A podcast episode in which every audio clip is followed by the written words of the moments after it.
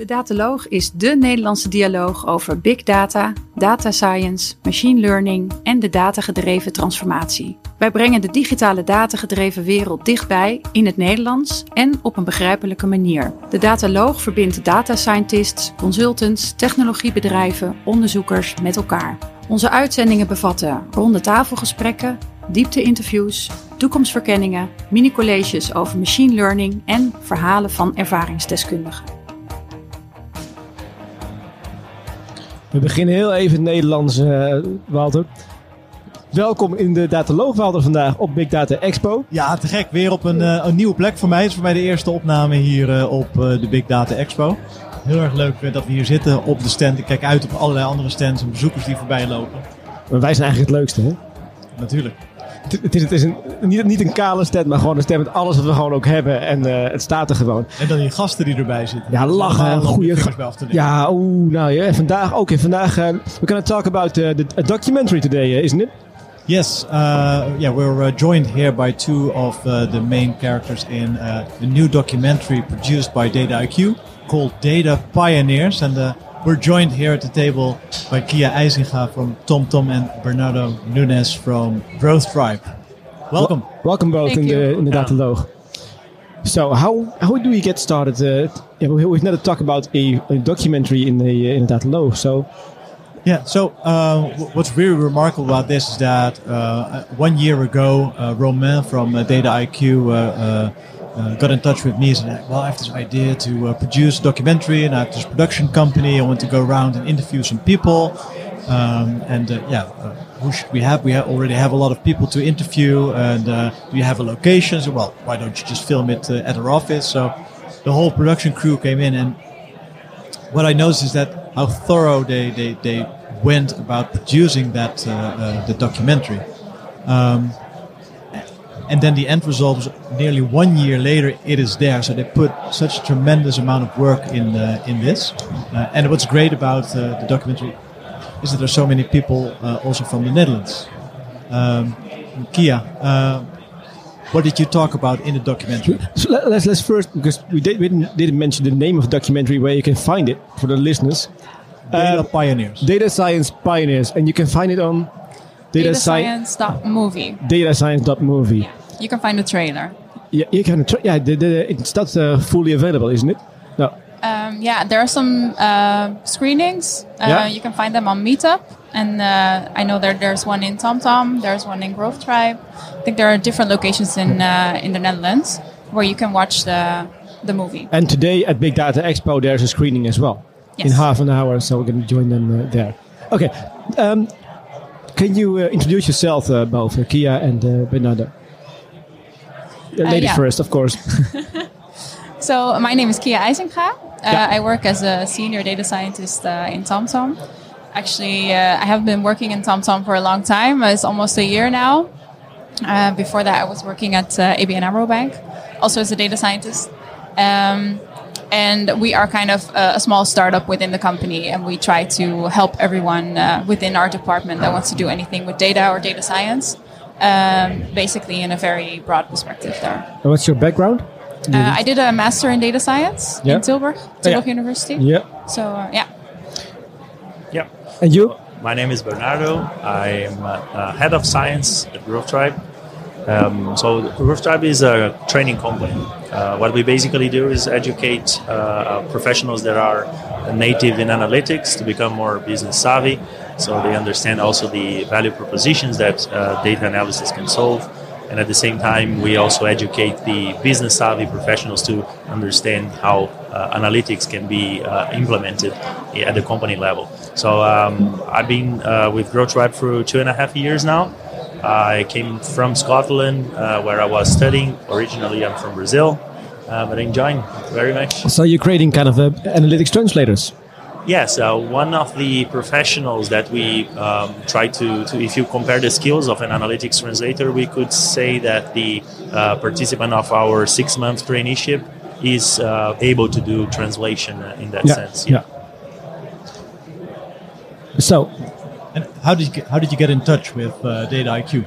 Well, it's an interesting story because uh, around two and a half years ago, we um, we started to use it for data cleaning.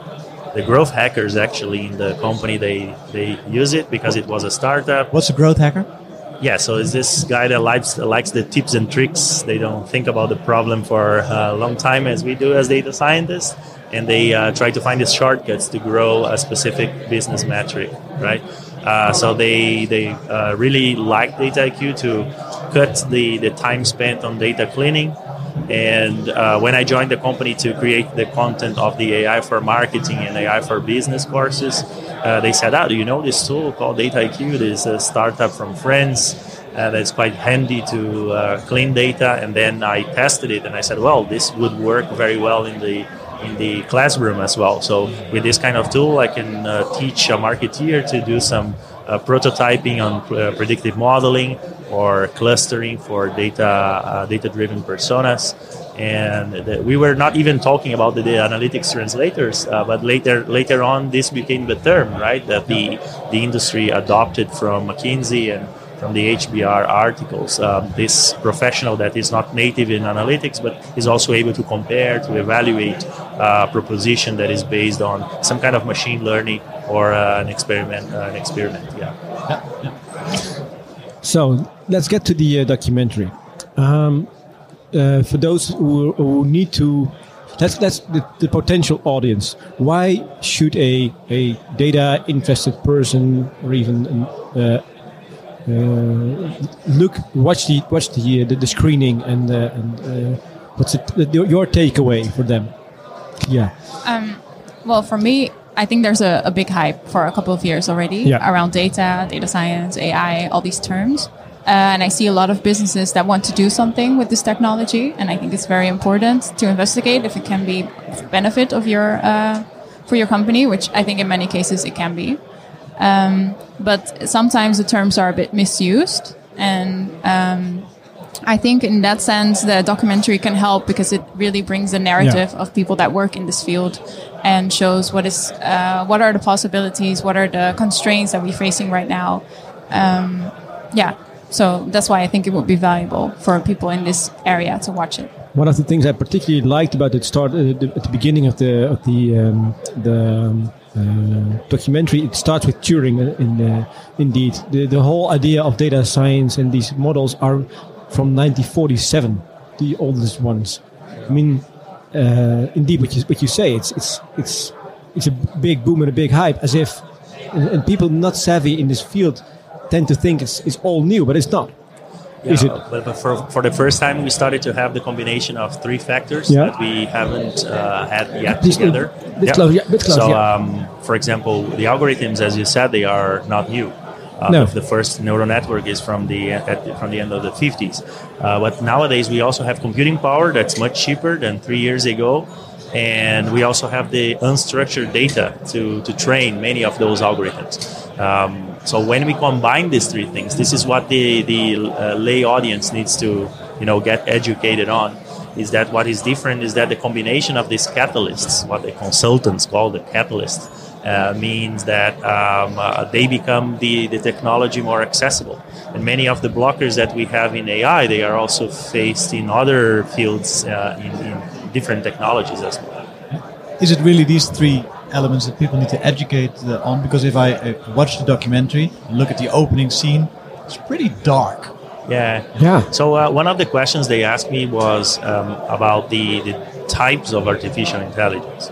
And most of the business applications are, are the, the, the things that are making people uh, scared about their jobs, let's say, are part of narrow artificial intelligence. These are things that machines they can do um, much better than a human, or they can outperform humans. But it's it's only in one task, right? And uh, most of the demystification that we uh, already cited here in the table is related with the fact that most of the buzz uh, happens in the general intelligence approach, which uh, we would have at some point machines that they can perform more than one task million times better than a human. Yeah. So your your takeaway is AI is narrow AI. Nowadays, yes, yes, very much. Yes. Uh, it's when you have one task that can be performed uh, better by the machine, but sometimes it's not profitable to substitute the human by the machine. do, do you share, Kia, the, the, the, the, dark opinion of, uh, of the start of the. Of it's not a dark opinion, it's awareness. the awareness. It's awareness, but it's all, all the things that have gone wrong with data and the public opinion about data that it can be yeah. scary and it uh, may take away all of our jobs. Yeah. yeah. yeah, I think there there are some fears that that maybe the general public would have or that the news brings, like um, evil AIs um, dominating the world, for example. Um, and I, I think that's that's not the case. This, if I see what is happening in AI, I think it's it's very limited what it can do, and usually it can be good in one task only at the same time. Uh, however, I do think that there are other threats uh, of how people use AI, for example, or the, the, AI that we have right now that are still relevant, and you still need to look at that. Uh, things like uh, introducing bias into algorithms, um, preserving privacy uh, when you're working with data, uh, or or using um, machine learning the way we have it now in just uh, causes that are not good for the world. Mm-hmm. So I think there are still some threats, but not in the the way that the news represents it most of the time. Yeah you're you're in the middle of this this industry and you know everything about what's what's happening and uh, you know what to, to believe and what not. Um, if you look at uh, the, uh, documentary and it starts with this uh, all these uh, scandals, um, and then it paints a, a, brighter picture of the future. Where do you think that we are as general public? Well. Um we see this in the classroom actually you know like many yeah. of the people who come to our courses they come because they are or in a promotion state as we say they want to you know profit from from the competitive advantage not only artificial intelligence but there are things in data science related with experimentation with uh, the use of the internet of things and all these things that um, are related with the biases and data collection they also happen in other fields not necessarily in machine learning also in causality inference in uh, the Internet of Things. So there are people that they go there to, to understand and to profit from this technology. Mm-hmm. There are other people that they go because they have fear, right? And then the, the case there is to demystify, to show them the definitions, and to make them to do some exercises so they get more familiar. It's very similar to get a driving license, right? You don't need to build a car, but you need to know how fuel efficient is the car. You need to know how uh, fast that car can go, and then you will uh, preserve the safety of the driver, right? But uh, we also eat food that was warmed in microwaves, and we don't know what, how to build microwaves. So that, that's very much the, the, the blockers that I would say uh, end up happening the uh, documentary is coined uh, Data Pioneers. Um, Kia, do you feel as a pioneer in uh, the companies that you've been working for? well, I think pioneer is maybe a bit too much, but um, it's definitely, um, yeah, we're we're really so on the what, what, Dataiku sees in you. So yeah, I guess that's, that's a compliment, it right? Is, yeah, yeah. Um, I think we are one of the first uh, people that are entering this field, and I think it's really new, and it's very new for businesses, and it's also very new to the public. So yeah, in that sense, we are pioneers. Um, but I also see a big difference between, uh, for example, the academic world and the business world, because the business world uh, sometimes is not ready doing for doing things with AI. They just need some um, basic insights in their in the data that they have, or they need to collect the right data. Give me a dashboard. Give me a dashboard. Exactly. Yeah. And if you look at the yeah. academic world or, or the guys that are working in Google DeepMind, for example, they're really doing like advanced stuff. So there's, yeah, just, just uh, a two ways there. There's a gap in the middle, isn't it? Uh, the, the AI mature and, and, and deep learnings. On the other hand, we, do we have data in our organization? Where, oh yeah, yeah, it's stored somewhere do you see this in in, uh, in your classroom as well? Yeah, so um, I would say that the main gaps they happen when you try to transform the descriptive analysis into something that uh, anticipates the future. How to go from da- data dashboarding, visualization, uh, to something that helps you to predict and find patterns in the data. So yeah. for that, you need a data scientist uh, most of the time, or a machine learning engineer to do this kind of things. Uh, there is also another blocker which is jumping from the predictive part to the prescriptive part. How do I ha- how do I build decision makers that are able to take decisions based on the information that was extracted from the data? That's another blocker. So uh, again, for our listeners, there's a this you, you first you, you start with descriptive, then Yeah. uh, Yeah, you, and you end up with prescriptive. Can, you- can you uh, explain this letter to, to our listeners? Yeah, yeah. So um, you can break any data project in these three steps. Obviously, Yeah. there are other steps related with data engineering, data setup, data cleaning. But let's say the, the job that the data analysts would do, or the data related jobs would do, would be uh, creating um, uh, a summary of what has happened, the descriptive part. Yeah. And then you also want to uh, create a model or some kind of tool that will help you to identify identify patterns and relationships, so you can anticipate which customer is a good lead, which customer is going to churn, whatever. Right? The predictive part. the predictive part. Yes. And this, um, uh, even when you do that, you still have to communicate the results of this analysis to the rest of the organization. Then you also need a business savvy data scientist, or you need people that can translate this to other departments, and that's the prescriptive part. How do I make that deployable into a product, or how do I get requests from the product people that can be solved uh, in the previous two steps? Data science is all about making better decisions and actions. yeah so the, that's why there is the science in the in the name otherwise it would be just storytelling i usually Yeah. tell them Uh, Data hacking. yeah in, in the in the company at growth tribe we we practice a lot of storytelling right but i tell them if you don't back this with some kind of data that was properly uh, you know tested and and modeled then becomes just narrative and data storytelling is a combination of the narrative the visuals and also the uh, procedure to solve a specific problem And the documentary looked at the, the, the point of views uh, from all across the world. I think they went to uh, Oslo, New York, uh, Paris, uh, Amsterdam, and many other cities. Um, after watching the documentary, do you, do you think that there's differences uh, between the approaches that, that you've seen or the perspective that have been shown? Kia? Well, for me, actually, the the issues and what people were running into were pretty similar. Yeah.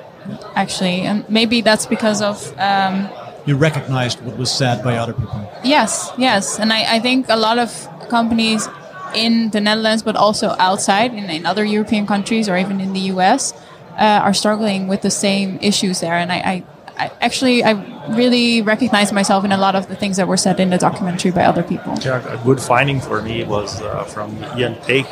Eichmann. Um, he works for Zoopla. and he's also in the documentary. And um, he talks about the frustrations of the data scientists.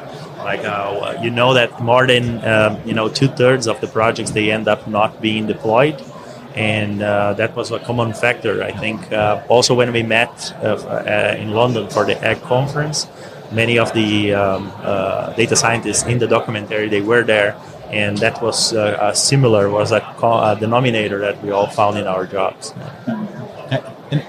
is that indeed one of the biggest issues for data science these days? That that most many products don't make it into production, are not adopted by an organization. I, I think so. Yeah, I think the num- number one project or problem is that uh, usually we don't have the data for uh, the problem that we want to solve. Um, but when we do, uh, it's usually if you want to um, create a successful data science project, you need two things. So you need one. Uh, business value, of course. So there needs to be a product manager, or a product owner that's really asking for this, and there's a certain need.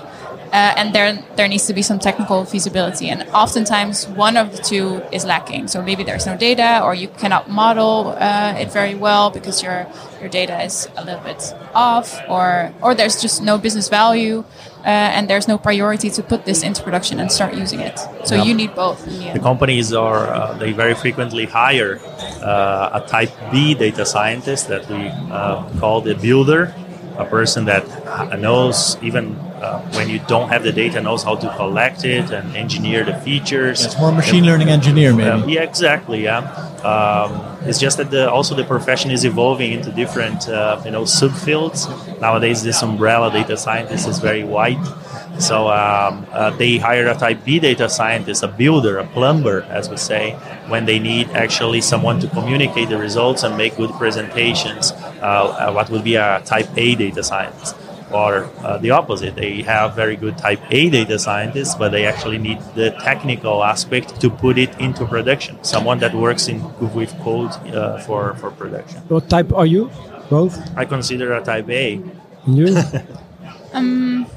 Yeah, I think I'm I'm both actually. Both? I'm, I'm still deciding. Unicorn. Yeah. it's now growing. half half. Yeah. yeah. yeah. Is it? Yeah. What makes you a good? What makes a, what makes a good machine learning engineer in you? Um, I think knowing all the technical aspects, so so knowing um, how to properly train a model, uh, what mistakes to avoid, um, and also how to put stuff into production. Maybe make it callable by an API, for example. Yeah. But I think it's equally important to be able to present your results and uh, convince people in the business. What are the uh, things in the documentary that I found very good that that's in there is the ethical part. So the ethics, the biases, what you, as you said. Can you tell me a little bit about your work uh, in both the classroom and at TomTom in this case, how you cope with ethics and fairness? Yeah. And, and what, what should the audience, so that all the people watching this this uh, documentary, uh, know about how we as a community work with fairness and ethics? Yeah, so um, in TomTom, it's really um, the the key pillar that we're built on is, is preserving privacy of our users. This is really important throughout the whole organization, uh, and everyone is also challenging uh, each other on this. And we also have a, uh, chief privacy officer in state for that. Um, so we're really um, very uh, thinking a lot about how to apply GDPR and what things we can do with our data and what we cannot do, uh, while still trying to get business value out of our, out out of the data that we have. And fairness? Because Um, this is kind of a new field. Well, well, this is one of the aspects, the ethical aspects. So Yeah. last year, for example, we started to have this in the classroom with the, the decision makers, the C levels. We wanted them to not only be able to identify which projects are feasible for data science to solve. This is uh, how you do a due diligence and how you find uh, the technology that needs to be able to solve that specific problem. But then you need to find the profitable projects, and within the prof- profitable projects, you need a person who identified the ethical projects as well. So it's actually a very smaller, much smaller intersection that is uh, the feasible intersection, right? And uh, we made a list of five items, uh, five factors that should be included in your uh, ethical uh, guidelines related with specifically machine learning. And fairness is one of them right? So you also have interpretability, you also have governance, you also have the impact on the future of work and data citizenship. So um, uh, fairness is is one of the things that we were actually uh, being uh, unfair in the past. Yeah. Uh, but we recognized this two years ago Yeah. because we started to analyze the data and collect data strategically to, to, to train the models. What, what do you mean with data citizenship? Well, this is when um, you know we have this available technology, and people get aware that their privacy can be affected by tools that work with uh, personalized interventions. that right? their data lives in an application. somewhere. Exactly, or, or that you can be targeted with a very persuasive message if you share your data. But at, at the same time, that if you decide not to share, you also lose a lot of personalized services, right? So there is a, a also a cost. It's quite similar to what we probably passed through when the first cars went in the streets, right?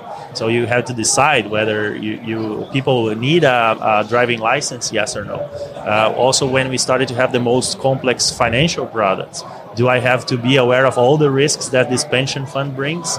Yes or no, right? So it's the sa- similar thing now. Data citizenship is uh, how do I make my citizens aware that there are risks and opportunities when they share their data with uh, third parties. So if we if we now focus at the audience, uh, looking in the camera, and they, they, they, see they they are a bit of hesitant again towards data science. What's the convincing thing we- we can say to them? Please don't be afraid. We're ethical. How do we how do we explain that as a community, Kia? Because it's, it's all in the newspaper in the Netherlands, new leaks, new all these. Yeah, I, I think it's about education. What newspaper do you read, uh, Jeroen? Uh, we- we- Ja, de Telegraaf natuurlijk. It's a, it gets from the metro like this. yeah, indeed. Yeah, yeah.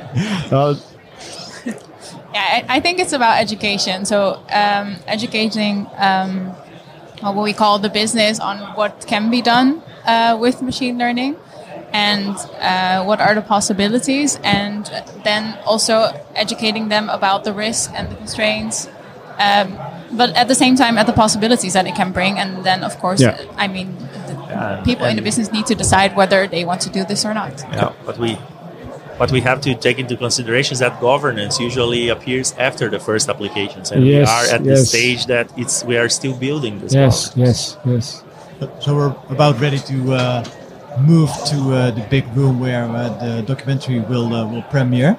Um, what has been produced is, well, uh, to say the least, eye candy. Uh, if you look at it, it's very nice uh, to, to watch, and some important themes are are covered. Um, it has been produced by Dataiku. Um, is this just a commercial production, or do you think that this will really make an impact on the way that data science is perceived, uh, Kian? I hope the latter, indeed. Um, and I think that was the intention also of the documentary. Um, I don't think Dataiku intended it to be a very commercial film towards their product. Uh, it doesn't seem like that. And um, yeah, and I hope that, that people in the field, but also outside of the field, will watch it and, and get a better understanding of what data and data science is.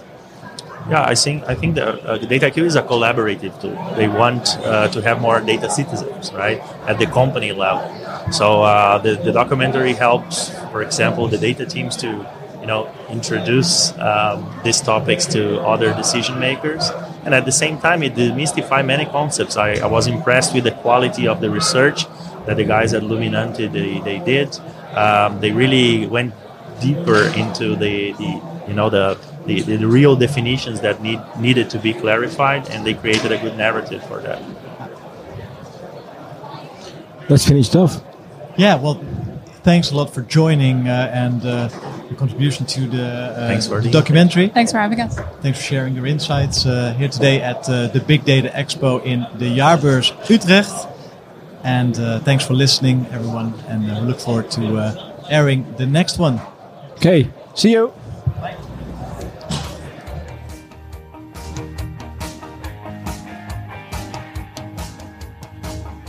Bedankt voor het luisteren naar deze uitzending van de Dataloog podcast. Wil je automatisch wekelijkse podcast ontvangen? Klik dan op subscribe in jouw favoriete podcastprogramma. Vond je onze podcast leuk, goed, interessant of wellicht te veel ene en nullen? Laat een review achter of geef thumbs up. Heb je vragen of opmerkingen? Kijk dan ook eens op www.dedataloog.nl. Hier staan ook de show notes van alle uitzendingen. De studio van de Dataloog is gesponsord door het onderzoeksprogramma Urban Technology van de Hogeschool van Amsterdam. Alles wat we maken doen we onder Creative Commons. Je mag alles hergebruiken voor niet-commerciële doeleinden, zolang je ons als bron maar noemt. Volg ons op Twitter op @dedataloog. Graag tot de volgende keer en voor nu tot data.